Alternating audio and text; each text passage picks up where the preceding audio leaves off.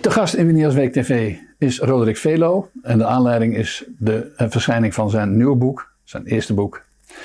En dat heet De Schijn regeert.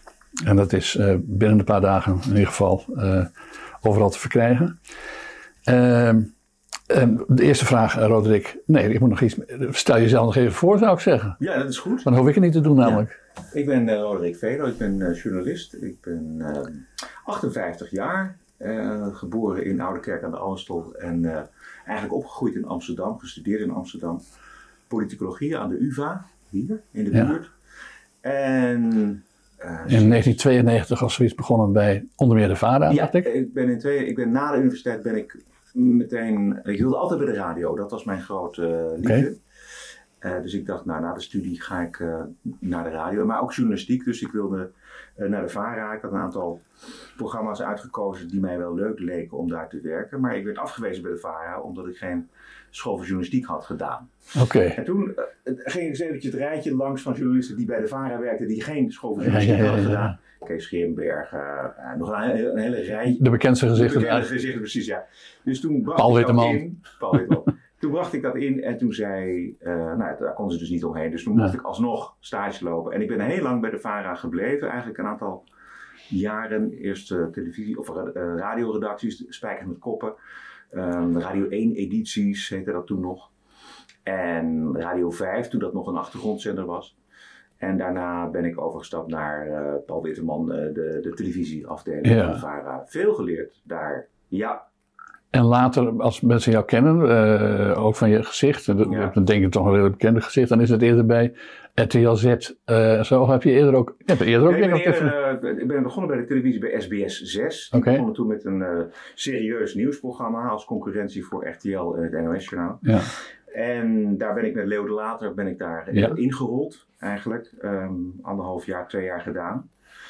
En ik heb ook nog televisie gedaan voor de Tros. Eh, samen met Jack van Gelder. Eh. Het heet eh, Nieuws en Sport. Zo- Zo'n soort programma. Hij deed dan het eerste half uur sport natuurlijk. En ik eh, eh, het nieuws. Ja, ja. Dan spraken we aan een lange tafel met mensen als Rutte. Maar ook eh eh, Oltmans. Ja, ja. Eh, dat soort types spra- bespraken wij het nieuws. En er was altijd één hoofdgast. Gast, één hoofdgast. En die eh, interviewden we dan.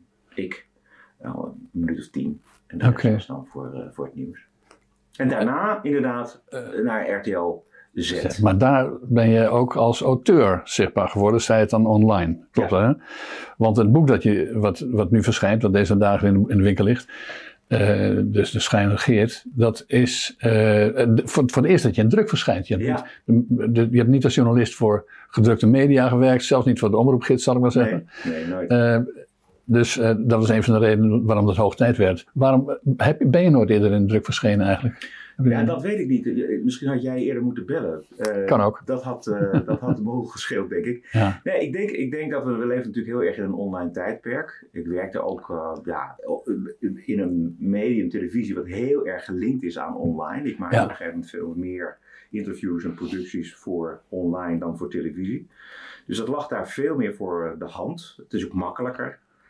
En nou, er is nog nooit iemand naar me toegekomen eh, voor jou dan. Ja. Die zei van, goh, leuk ik, denk dat, ik denk dat er nog wel een paar begaafde auteurs rondlopen die kandidaat auteur voor eh uitgever in Blauwburgwal zijn. Want eh, het, zijn toch vaak verschillende publieken. Er zijn mensen die wel lezen, maar niet online lezen. Ja. Eh, dus ik ben er een beetje verbaasd over dat uitgevers, misschien geef ik je klandizie weg, dat de uitgevers dat nog niet hebben ontdekt. Ja, het, is, het leuke van eh, dat nu eh, de schijn regeert eh, uitkomt in boekvorm, is dat ehm, ik veel. Ja, fans klinkt een beetje raar, maar ik, heb wel, ik had wel een lezerschare bij RTL opgebouwd. Mensen die het niet altijd met mij eens waren. Dus ik kreeg heel veel ehm, commentaar en ik- er was heel, het was heel levendig eigenlijk. Ja. Die mensen zijn mij eh, kwijtgeraakt. omdat zij dan een anders. Vandaag moeten ze een abonnement nemen op de Telegraaf. Eh, veel mensen doen dat Ja, niet. ja. Ik heb ook wel hier niet. Want voor alle gelezen. duidelijkheid hebben we dan niet gemeld, maar wie eh, niet de complete cv van Roderick heeft bijgehouden. De laatste jaren ben je vooral in de Telegraaf en bij de Post Online en als podcastmaker. Ja. Onder meer met Bert Brussen. Ja. Eh, Ja. Bekend en eh, gezien, we maar zeggen. Gezien, ja. Ook, eh, daar hebben we ook een camera, dus dat, zet- dat is ook weer een link met online. Ja, Ehm, dus, eh, nou ja, het, het, uh, ik vind maar goed, je, van RTL Z, was natuurlijk toch een, een, betrekkelijk groot online medium. Ja. Uh, ging je uh, naar een ander groot online medium, maar achter de betaalmuur. Exact. Goed, we halen daar achter de betaalmuur vandaan ja. in het boek. Nee, maar dat is ook Nee, belangrijk. ja, Dat zijn allemaal mensen die jou gemist hebben. Ja. Bij RTL Z, en die, die nu in drukvorm verschijnen weer voor een algemeen publiek, zou je kunnen zeggen. ja. Niet als En dat- kleine. Precies. En, dat, en misschien dat door het lezen van het, het, de, de schijn regeert, dat mensen dan toch wel weer enthousiast raken. Denken, goh, ik zou misschien eigenlijk wel elke week toch wel weer eh, die jongen willen lezen. Ja, wat weer heel fijn is voor de Telegraaf dan. Wat fijn is voor de Telegraaf. en, en we hebben natuurlijk over, over abonnementsgeld wat, wat we vrijwel niks voorstelt. Dat, dat, dat het aanvangt abonnement 90 cent per, eh, per week is of zo. Dat is, Is dat zo? Is het zo Ja. tegenwoordig? dat eh, En hier houdt de reclame voor de Telegraaf Media Groep op, als dat tegenwoordig nog steeds zo heet. Wat niet het geval is, want het heet tegenwoordig Media uit Nederland. ja. Stop, dit was het wel. Ja. En we gaan naar eh, de schijn regeert. Ja. Eh, eh, eh, sterker nog, ik heb hier voor mij het, liggen het eh, inleidende hoofdstuk. Ja. Waarin ik een toelichting geef, zou je kunnen zeggen, een beetje op het thema van het boek. Eh, en dus laten we beginnen met eh, de schijn regeert. Dus die, je maakt dat ook nog duidelijk in de loop van de tekst. Het, het, je hebt het over schijnveiligheid, de schijnoplossing en de schijn regeert. Maar je hebt het heel veel over de schijn in de media. Ja. Eh, dus zowel de boodschappers in de media als de journalisten eh, laten zich leiden door schijn. Wat vooral in het geval van journalisten eh, geen sterk punt is. Daar komt het wel op neer. ja. Ja. Kun je dat een beetje toelichten, wat ik nu eh, kort samenvatten? Nou kijk, ehm, we leven, ja het is een beetje een cliché, maar we leven natuurlijk heel erg in een gepolariseerde samenleving. Dat is allemaal overgekomen waar je ook uit Amerika, maar we, we, we leven Zoals alles. Ja, zoals alles. Dus er zijn, de, de standpunten zijn fel, de standpunten zijn hoekig. En eh, wat ik eh, de laatste jaren gemerkt heb, maar misschien is dat altijd al zo geweest in het Nederlandse medialandschap, is dat eh, ja, ook, ook de journalistiek, ook de media eh, kiezen, standpunten kiezen. Ik heb dat heel erg gezien bij Donald Trump, de verkiezing van hem. Nou, dat was natuurlijk al eh, een godsbe dat die man verkoven, verkozen Ja. zou kunnen worden. En toen werd hij verkozen. En nou ja, toen, de man heeft het eigenlijk nooit goed kunnen doen, geen moment. En dat zag ik heel erg duidelijk in Ja.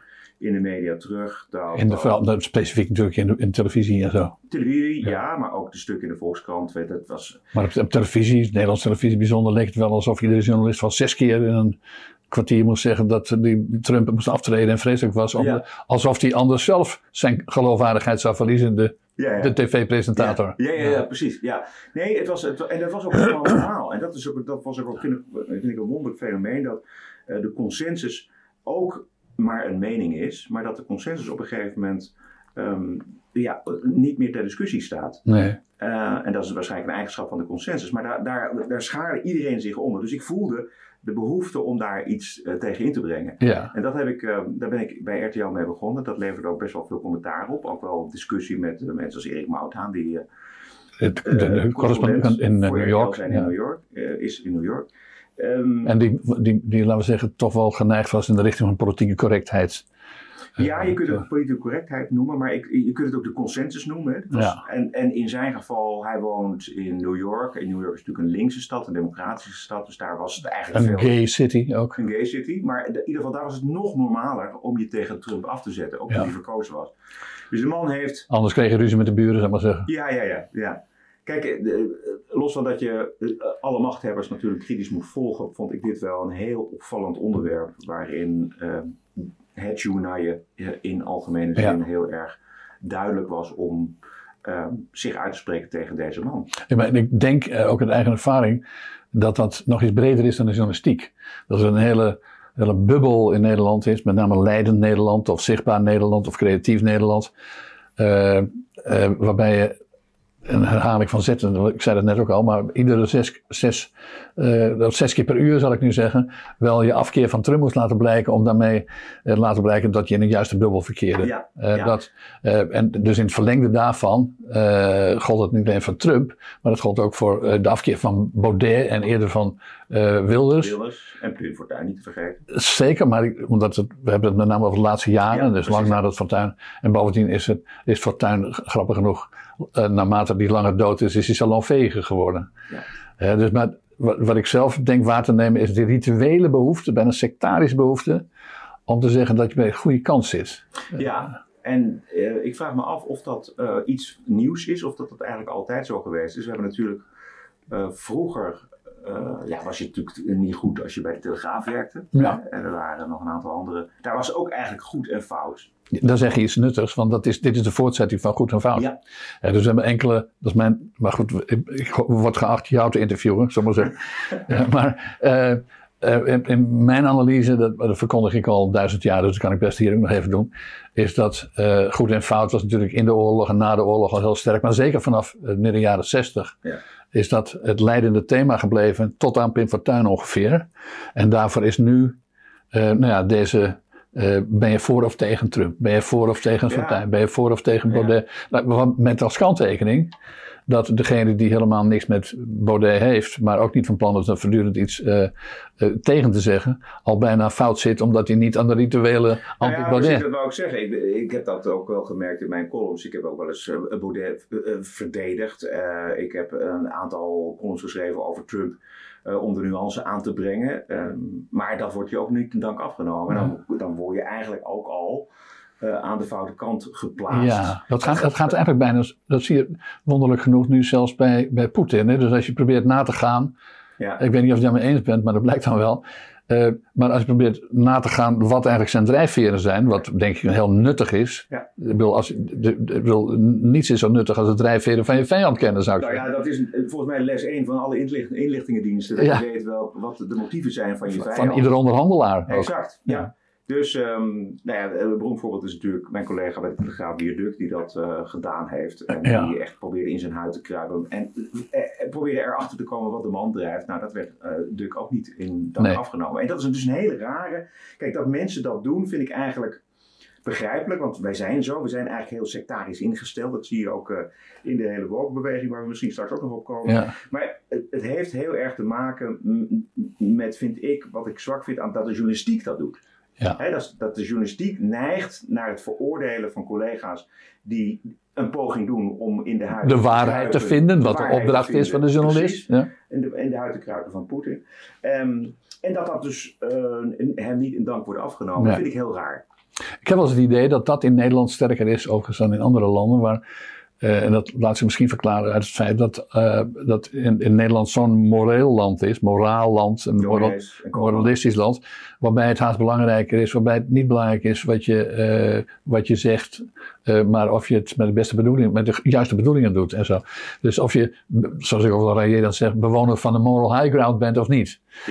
Als je dat niet bent, als je dus fout bent, om wat voor reden dan ook, dan heeft het verder geen zin meer om wat dan ook maar te beweren. Ook al is dat de waarheid, want degene die het zegt, die met het juiste etiket rondloopt, is de enige die toegelaten wordt tot de gedachteganger. Precies. En dat is ook de, eigenlijk de, de aanleiding voor dat boek eh, wat ik geschreven heb, na, met, met columns die ik uit het verleden, eh, vanaf 2016. En nog wat. en nog wat. Ehm, dat, ja, dus die, dat leidt dus ook dat mensen zich anders gaan voordoen eh, dan, dan ze eigenlijk misschien van binnen wel denken. Want ik heb ook Ja. reacties gehad van mensen die dan eh, mijn columns dan mogelijk terecht vonden, maar dan ook zeggen van ja, maar je hebt wel gelijk en ik ben blij dat het iemand is die het zegt. Ja, Zelfs bij columns over Trump. En eh, dus daar hangt iets in Nederland, maar ik weet niet of dat alleen voor Nederland geldt, dat het belangrijk is om te tonen dat je aan de goede kant van de geschiedenis staat. Ja. Dus mensen, maar ook bedrijven, politici doen zich beter voor, hebben de neiging zich beter voor te doen. eh, dan, eh, dan ze denken dat ze zijn als ze een andere mening hebben. Want ja andere mening is al, al, al, al die bedrijven hebben een afdeling diversiteit en een afdeling Ja. duurzaamheid. Ja. Waarvan we allemaal weten dat het onderdelen zijn van de afdeling marketing. Juist. Maar niet, per- maar niet per se de, de privé-gedachteganger van de president-directeur. Nee. Maar, maar goed, dan, schijn, dan is de titel des te beter. De schijn regeert. Ja. De, de schijnheiligheid regeert, kun je zelf zeggen. Heb je er ook nog over gedacht of dat misschien een goed idee was? Ja, een beetje zitten worstelen, maar dit was uiteindelijk toch eh, de goede titel. Ja. Ja. Maar goed, je- je kunt achter het schijn nog van alles aanplakken. Zoals, Nou ja, zoals je in de inleiding ook doet. Ja. Door te spreken van, eh, wat was het ook maar weer? Eh, door te spreken van schijnoplossingen, schijnveiligheid. Eh, dus dat schijn, de- de- de- in verschillende opvattingen, in verschillende facetten Ja. is de, is de schijn, wat dus de onwerkelijkheid is, Ja. dominant. Ja. Dus, Ja, de schijnveiligheid moest ik ook denken, ik er staat ook in het boek een, ehm, twee columns volgens mij over eh, de zaak eh, Anne Faber, eh, die heel Nederland eh, een aantal jaren geleden heeft opges Ja. Opgeschrikt. Uh, die aan het fietsen was in het bos. Ja, zij was aan het fietsen in het bos en zij is uh, gepakt door een jongen met een, die eigenlijk TBS had moeten krijgen. Bij een eerdere zaak. Bij een eerdere zaak. En die um, in een open inrichting in de buurt van Utrecht uh, bivakkeerde. Daar een relatie had met ook een bewaakster. Ja. en eigenlijk in en uit kon lopen. Daar werden drugs verhandeld. Daar, daar was alles eigenlijk over. Ja. Een levensgevaarlijke man. Ja. Die, maar alles moest kunnen, kennelijk. Maar alles moest kunnen. En, dus dat is ook de schijnveiligheid van ons TBS-systeem. Ja. Uh, dat is, de, ja, dat, ik vind dat een taak van de journalistiek om dat door te prikken. Uh, die taak berust niet alleen bij mij, maar ik vond het heel vind het heel ja, boeiend om daar in te duiken en daar dan uh, columns over te schrijven. Ja. Maar het is gewoon een, uh, een gewone journalistieke behoefte om, om achter de schijn te komen. Zeker, maar kennelijk is die journalistieke behoefte die heel vanzelfsprekend is, uh, niet alom. Want anders had, was je, had je die, die kritische attitude ten opzichte van media en ja. journalistiek in Nederland niet hoeven te plegen, zou ik maar zeggen. Ja de schijn regeert, die schijnveiligheid, de schijnheiligheid misschien, dat suggereert ook dat, dat we uh, kennelijk in een, uh, in een decor, in een soort onechtheid, uh, want onecht is een begrip wat er heel dicht tegenaan ligt. is dat erger dan het was, denk je zelf? Ehm, ik denk dat het wel met sociale media wel erger geworden is. Als ik, als ik het eventjes zo uit losse pols zou kunnen zeggen. Want de sociale media betrekt ons eigenlijk allemaal heel erg direct uh, bij het publieke debat. En in het publieke debat vinden wij het in Nederland blijkbaar heel erg uh, noodzakelijk om kant te kiezen. Ja. Om een partij te kiezen. Of je wordt ertoe gedwongen. Hè? Of je wordt ertoe gedwongen, dat kan ook. Ik denk eerlijk gezegd dat het niet zozeer een keuze is, maar een dwang. Anders gezegd, het is misschien niet alleen de schijn die regeert, maar de angst die regeert. Nou, ik ga daarin met je mee als je het hebt over bijvoorbeeld uh, bedrijven of instellingen, gemeentes die op een gegeven moment. Publieke zeggen, figuren. we gaan. Nou, wat ik bedoel is eigenlijk dat, dat je. Dat, er zijn natuurlijk genoeg instellingen, universiteiten, maar de gemeente, Utrecht is zo'n gemeente, waar een, een, een links uh, gemeentebestuur op een gegeven moment op het idee komt om diversiteitstrainingen te geven, ja. antiracisme trainingen. En je bent in dienst bij die gemeente, zeg dan maar eens nee. Ja. Hè? Durf dan maar eens te zeggen, nou, dat kan ik aan mij voorbij gaan. Je mag hopen dat je bij de overheid, die een, een neutraal gezagsdrager ja. is, in dienst treden, maar dan blijkt je dat helemaal niet neutraal te zijn. Je moet, je moet van tevoren een ben ik wel goed of fout uh, een luikje door. Zeker, het, ja. zeker. En hier in Amsterdam krijgen de ambtenaren ook een, een boekje mee met uh, de, de gewenste benaming van deze en gene. Dus ook een heel ja, politiek correct woke-achtig ja, boekje. Maar het, maar het gaat volgens mij verder dan het, dus die, die diversiteitstrainingen zijn zelfs verplicht. Als u nou ja, okay. Misschien niet voor heel diverse mensen, maar voor die anderen dan. Ja, ja, ja. Nou, het zou, ik, ik, nog niet overal is het verplicht, maar zelfs als het niet verplicht is, dan voel je toch wel een soort sociale verplichting. Hè? Als je, ja. je, je, je, werkt op een uh, afdeling en, en vier van de vijf gaan erheen en jij bent de enige die niet, niet ja, gaat. Ja, ja. ja, dat wordt heel lastig. Precies. Dus dat is, uh, dat is dat is inderdaad de, de angst die regeert. Um, nou ja, de, angst, de, angst om, de angst om een eigen standpunt in te nemen, ja. de angst om af te wijken van de heersende doctrine, de angst om geen promotie te maken als je niet in het juiste kamp ja. zelf hebt geparkeerd. Ja. Dus dat leidt ook tot conformisme. En conformisme leidt tot eenheidsdenken en, en leidt, leidt, niet tot waarheidsvinding en tot wetenschap, Precies. zou ik zeggen. En je ziet ook wel hoe erg dat is in de kunst. Hè? We hebben natuurlijk de Raad voor Cultuur die uh, als voorwaarde stelt voor subsidie uh, dat je moet voldoen aan um, nou, niet-Europese invloeden. Ja. Um, uh, het moet gaan over diversiteit. Je moet aan allerlei diversiteits- en inclusiecriteria voldoen om in aanmerking te komen voor subsidies. Dus dat is ook een hele dwangmaatregel Ja. eigenlijk. En daar hebben we natuurlijk ook verzet zien we daartegen. Um, Maar ondertussen is het uh, zonder enige discussie allemaal, allemaal gedicteerd. Hè? Het Ja. komt allemaal binnenwaaien en via. t- Ja, en- d- en- d- Er zijn nooit verkiezingen over geweest, Nee, maar nee, zeggen. precies. Nee. Het, het, ja, het venijn zit er natuurlijk ook in dat, eh, om even bij de kunstenaars te blijven, die zoeken dan ook natuurlijk gewoon eh, hun bestaan. Dus die hebben die, die subsidie nodig. En dan, ja, dan gaan ze toch eh, compromissen sluiten met wat, eh, de, wat de Raad voor Cultuur Ja. en de lokale eh, eh, subsidieverspreiders allemaal verlangen. eh, om, en, en dat is dus het einde van de vrije kunst. Maar dat is in ruimere zin het einde van de vrije wereld. Althans, een inperking van de vrije wereld. dat is niet zoals democratie en de, zoals het genoemd wordt, liberale democratie, of liberale rechtsstaat gedacht is. Nee. En dan gaan wij, terwijl de democratie zoals we die kennen, bestaat amper een eeuw. Dan zijn we echt op, op een retour. Dan zijn we zoals dan gezegd wordt, als we strijden tegen de, de Rus of de, de Chinees, eh, dat we de vrije wereld eh, aan het verdedigen zijn, maar we zijn onze eigen vrije wereld aan het imploderen, of niet? Nou, ik vind het wel een heel gevaarlijke ehm, ontwikkeling, zeker. Ja. Maar ik, bedoel, ik, ik ben, blijf wel optimistisch. Ik denk wel dat op een gegeven moment uh, bij zinnen komen dat we denken van ja, hier schiet er toch eigenlijk ook niks meer op. Je ziet bijvoorbeeld uh, deze dagen bij Netflix, hè, deze, een, een, een bedrijf in Amerika, ja die dus heel erg uh, geleden heeft onder uh, ja, de werknemers die heel erg woken waren en allerlei eisen stelden aan uh, de content van ja. Netflix. En daar, daar komt Netflix nu op terug, omdat ze zien dat de concurrentie, dat ze daar niet mee, ze winnen de concurrentie er niet mee.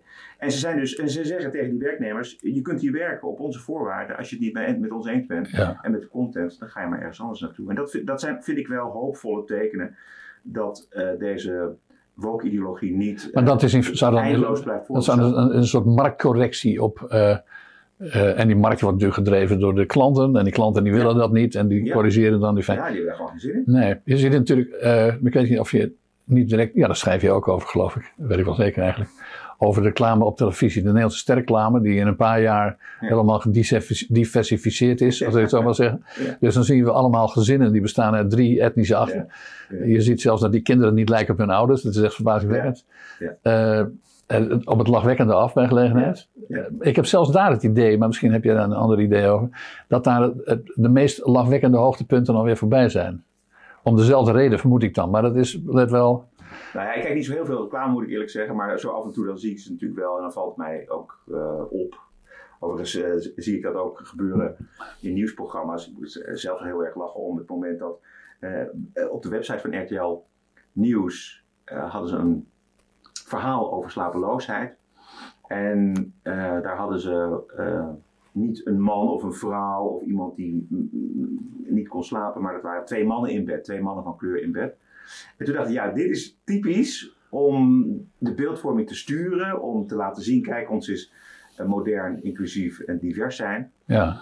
Uh, dus daar wordt over nagedacht. Ja. Binnen de journalistiek, maar zeker ook bij, uh, in de reclamewereld. Ja. ja. Nou ja, sterker nog in de reclamewereld. Ja, nog meer. Het, het lijkt wel alsof de reclamewereld, en daar zijn ook wel publicaties over trouwens, dat die de neiging hebben om voorop te gaan, gidsland te zijn in ja. gidsland. Ja. Uh, maar het merkwaardige is dat die, die opdrachtgevers, die niet altijd baat bij hebben, nee. uh, nou, laat ik aannemen dat nou, voorspelbaar is, dat zich laten leiden door die particuliere hobby van de reclamemakers. Dat is toch gek?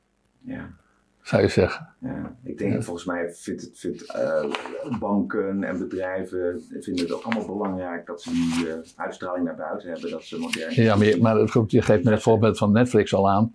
De wal kan het schip keren en, de, en de wal is de markt en de markt zijn de mensen. Ja.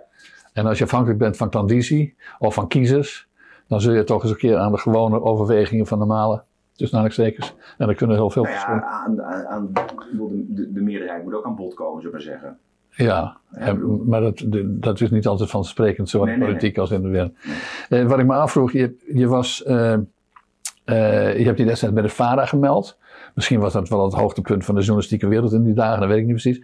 Dus zou je dan nu nog aangenomen worden, als je een beetje door zou dringen? Uh, nee, ik denk het niet. Ik denk dat BNNVARA voor mij uh, geen natuurlijk uh, werkgever zou zijn. Nee. Ik zou het ook niet willen, geloof ik. Okay. Nee, want ik heb wel eens, als ik dan naar de, de, de columns van Marcel Roosmalen luister over de Nieuwsbv ja. van BNNVARA, dan is dat een hele woke redactie. En daar zou ik zeker niet tussen passen. Nee. nee. Het wonderbaarlijke is natuurlijk dat er nog wel een één restje vrijheid is want Marcel van Roosmalen kan dan bij de BNR-varen nog net iets lelijk zeggen over die woke-toestanden die bij de. Maar hoe lang is dat? Hoe lang gaat dat? Vraag je je dan af. Ja, ja. en hij, is natuurlijk, hij heeft het over meer onderwerpen. Hij is natuurlijk een groot succes. Dus ik denk niet dat ze hem ook snel kwijt willen. Nee. Maar goed, succes is dus ook een manier om, laten we zeggen, uh, de vrijheid nog een beetje te bewaren. Zeker, zeker. Nee, uh, ja, dat succes dat, is, dat, dat kun je niet voorspellen. Je kunt er wel aan werken, maar je kunt het niet voorspellen. Nee. Maar op eigen benen staan helpt wel een, een heel stuk. Zeker. En succes ook. Ja. Dus koop dat boek. ja. Het heet De Schijn regeert, ligt nu in de winkel en dan ligt er nog weken, maanden en steeds een nieuw exemplaar. Ik dank u wel. U kunt ook naar deze uh, video kijken, uh, wat zeg ik, luisteren vooral uh, via de podcast, want die verschijnt bij iedere video van Winia's Week TV. Dankjewel, dankjewel Roderick. Dank je, super.